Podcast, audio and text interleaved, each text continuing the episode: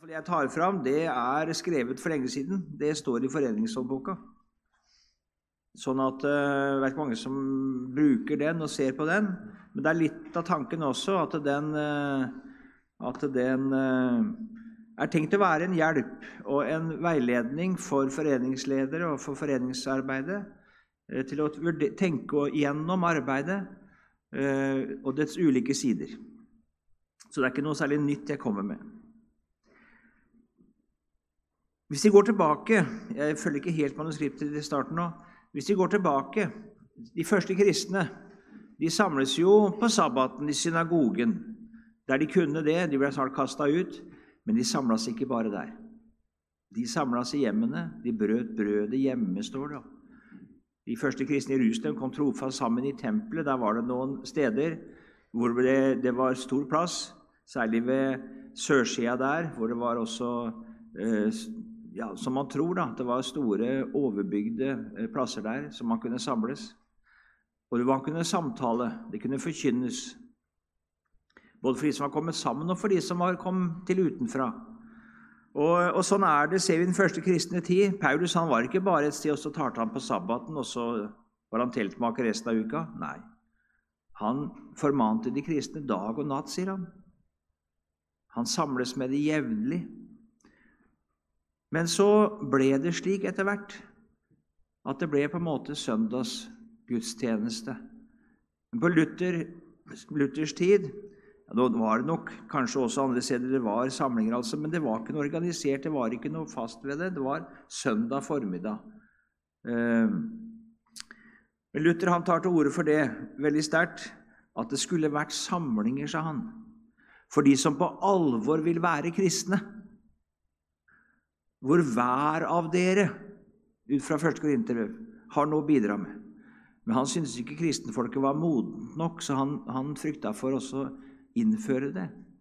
Men først med pietismen så ble på en måte det ønsket forsøkt gjennomført. Gjennom det man da kalte konventikler. Og, og, Det begynte man med. Her i Vestfold så var det flere prester som begynte med det. Mannsforeninger og kvinneforeninger var det i altså i Hedrum, der jeg kommer ifra.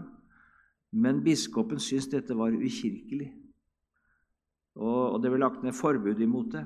Og Da kom konventikkelplakaten, for man var redd for svermeri og redd for at, at lekfolket uten prestelig veiledning skulle havne på ville veier. Det var presten som skulle ha, ha hånd om det. Og Så kommer da med hans Nilsen Hauge, så kommer da denne frie lekmannsvirksomheten til sin rett. Begynner å samles til frie møter, konventikler. Og eh, det var som sagt i utgangspunktet da forbudt. Og Det gjør at Hans Nilsen Hauge også blir fengsla mange ganger. Helt til de i 1842 får opphevet denne konventikkelplakaten. Og så har det vært et særkjenne ved norske, den norske kristenhet at det har vært mye lekmannsarbeid. Det er ikke slik overalt. Det er ikke så ulikt i Danmark. Men bare kommer til Sverige enkelte steder, så er dette med lekmannsarbeid Det er ikke på langt nær så vanlig. Og kommer du til andre land igjen, så er det enda mindre vanlig. Jeg var, traff noen amerikanere nede i Moldova, og de bare rista på hodet. Altså, det var helt liksom lekmannsarbeid. Det var ikke styrt av kirkene og prestene. Det var Missouri-synoden. Det, det var helt fremmed. Og de, de reagerte liksom at dette var ikke orden. Det var ikke sånn det skulle være. Bare så jeg er klar over det. Men det er bibelsk, det må vi si. Det er absolutt bibelsk. Og Likevel så var det slik litt tilbake i historien, altså med Hans Nilsen Hauge, og det ble frie lekmannssamlinger, og vi fikk etter hvert opp, oppkomst av mange kristne lekmannsorganisasjoner på 1800-tallet som drev med både indre og ytre misjon. Så likevel var gudstjenesten fortsatt hovedsamlingspunktet for det troende lekfolk. Møtene i hjemmene og på bedehusene det var et supplement i det minste der det var gode prester. Og det må vi si. Det var en helt annen tid på rundt 1850 med, med Gisle Jonsson som prestelærer. Det de kom ut mange gode prester, vekkelsesprester, som virka til stor, stor velsignelse i det norske folk. Og denne ordningen at man da gikk til gudstjeneste, det fikk, kom til å prege møtene på bedehuset og hjemmene. For det, i gudstjenesten da hadde du synsbekjennelse, da hadde du trosbekjennelse, da hadde du faste bønner, da hadde du faste tekster. Derfor kunne man, når man samles i hjemmene og på bedehuset, være langt mer fri. Og hadde ikke de ansvar for å holde fram hele Guds råd, for det var på en måte tatt vare på i gudstjenesten. Og så kunne man mer spisse det, kunne mer ta, på, ta opp måte, det som var levende aktuelt, både for predikant og forsamling. Men så vet du hva som har skjedd. Det er ikke lenger mulig de fleste steder å ha sitt åndelige hjem i Den norske kirke og gudstjenesten på søndag formiddag. Så nå er ikke møtene på bedehuset og i hjemmene lenger noe supplement det er det troende lekfolks eneste åndelige hjem. Det er det som skjer i lekmannsarbeidet. Og det bør få følger for også innholdet når vi kommer sammen. Vi skal ta vare på styrken i de frie møtene, ha rom for det at predikanter taler over det som ligger dem på hjertet, det som er, det som er særlig behov for en troende forsamling. Men jeg tror vi skal si det at det er veldig mange steder så er det veldig snevert, det det tales over. Veldig snevert. Det er noen og Mange predikanter da de kommer én gang, og da vil de ha fram det beste. Og så blir det et evangelisk ord som har vært godt for dem, som de preker over. Det kan være godt, det kan være dårlig preken, men, men det blir altså det jeg hørte et sted det, var, det hadde vært Lukas 15 om den, om den bortkomne sønn. Det hadde vært flere møter på rad, for det var nye predikanter. De hadde samme tekst, for det syntes de var så fint. Det er ikke sunt for forsamlingen. Det er ingen, det er ingen på en måte eh, Det er ingen som har ansvar for at det blir hele Guds råd. Og så blir det etter hvert ganske snevert Lite forkynnelse til vekkelse omvendelse, lite av formaningstale, lite til, til selvransakelse. Det blir disse gode ord som er godt å høre, for vi ville ha det godt på bedehuset. Og så kommer forsamlingen til å lide av åndelig underernæring og feilernæring når det blir sånn. Sånn er det jevnt over på bedehusene i dag. Men som sagt, vi skal ta vare på det, denne friheten. Vi skal det. Og vi skal ikke minst legge til rette for å oppfordre til frie bønner og frie vitnesbyrd, hvor hver enkelt av dere Det har vært styrken i lekmannsarbeidet. Det var jo ingen arena i gudstjenesten for vitnesbyrd eller fri bønn. Men det har vært styrken i lekmannsarbeidet, og det skal vi ta vare på. Det er også slik at når vi nå vil ha søndagsmøter, og det skal vi ha. Men mange steder er kveldsmøtene nesten borte. Møtene ellers uka. Og da dør vitnesbyrdet. For søndag formiddag er ikke arenaen for det. For det er et annet preg. Og så dør vitnesbyrdet bort iblant oss. Så Vi har ikke så hyppige møter. Da jeg vokste opp, så var det Jeg husker i min tredjeår tredje år på på videregående så hadde jeg almanakk. Når jeg kikka tilbake på den, så var det et par av de månedene det var 30 kvelder som var opptatt. Når det var 31 dager, så var det 30 kvelder som var opptatt. Det var ikke bare møte på bedehuset, det var andre ting òg, men det var en helt annen møtefrekvens enn det er i dag. Det var flere møteuker, både høst og vår, på bedehuset. Flere bibelhelger. Det var faste onsdagsmøter hver onsdagskveld.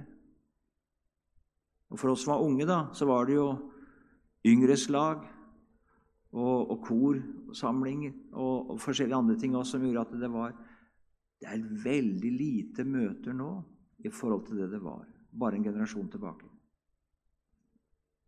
Ja, men tilbake til altså vi, vi skal også legge til rette. Og det er det jeg sier, at vi har ikke lenger denne eh, gudstjenesten søndag formiddag Den kan vi ikke gå på. Og skal vi legge til altså å sørge for det at vi har den ordning at hele Guds råd forkynnes, at det brukes faste tekster og bønner som har det i seg, at det er ment og tenkt, for det er denne gamle tekstreken vi kommer tilbake til senere i dag, fra 300-tallet. Der er tenkt at det hele Guds råd skal være med. Gjennom et år så skulle man komme innom alle ulike tema, alle ulike, sider. Og det ansvaret har vi for at den åndelige ja, at, den, at den kristne forsamling skal altså møte hele Guds ord.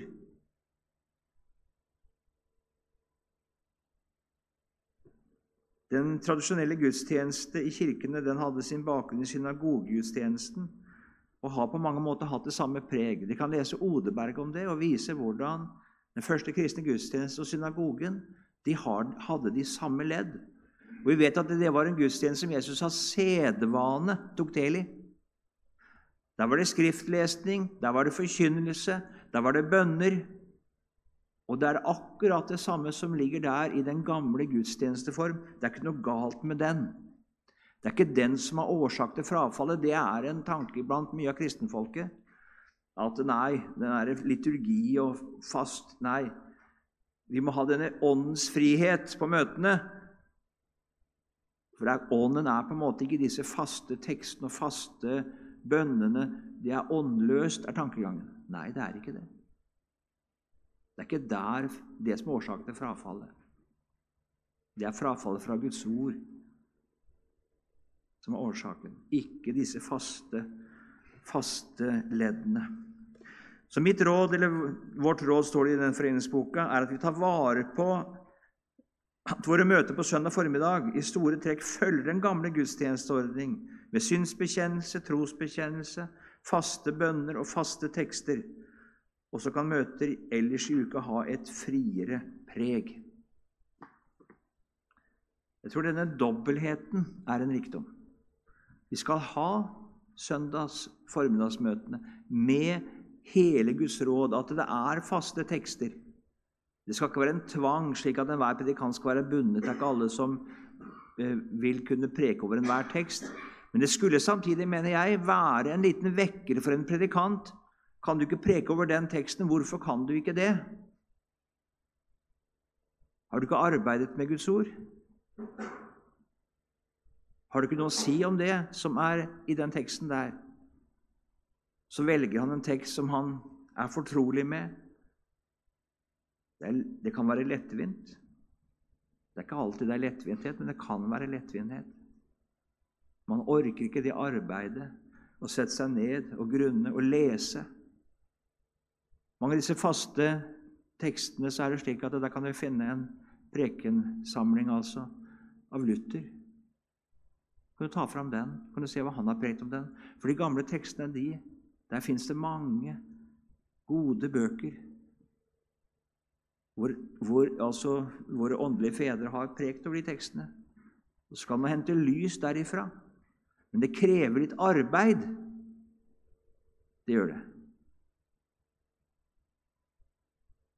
Det er ikke alltid jeg tar det for god fisk når sin predikant sier at nei, jeg, jeg, jeg, har fått ro for å preke over en annen tekst. Av og tenker jeg ja, ja, det kan være det, men kanskje ikke du har orka.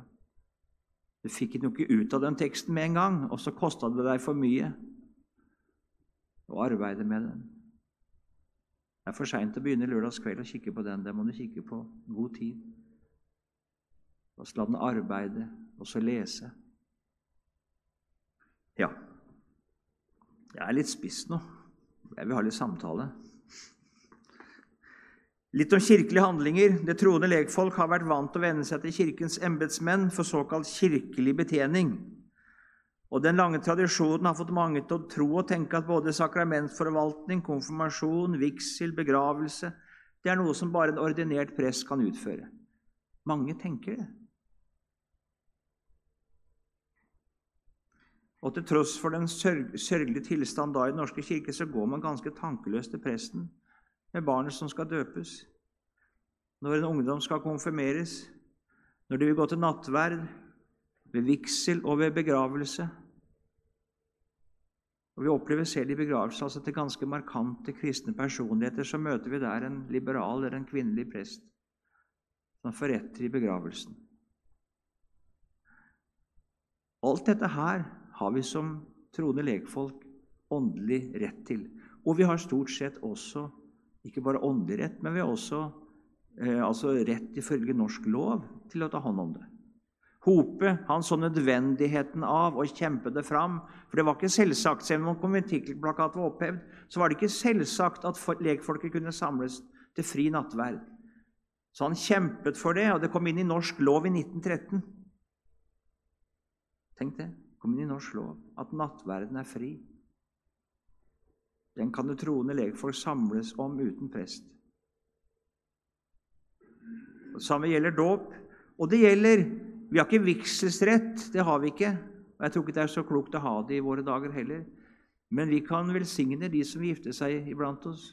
Vi kan, de kan avgi sine løfter for Guds ansikt og i den troende forsamlings nærvær. Det kan de. Selv om det selve eh, statsrettslige og det offentlige på den måten skjer hos en sorenskriver eller noe sånt.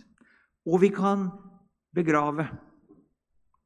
Det er helt klart etter norsk lov at eh, det, kan, det er familien som er suverene når det gjelder å velge hvem som skal få rett i en begravelse.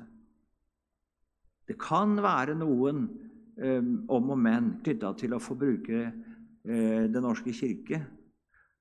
Ikke gravplassen, men Den norske kirke. Men så lenge det er altså et rituale som er i pakt med Den norske kirke, så skal ikke det være noe hinder.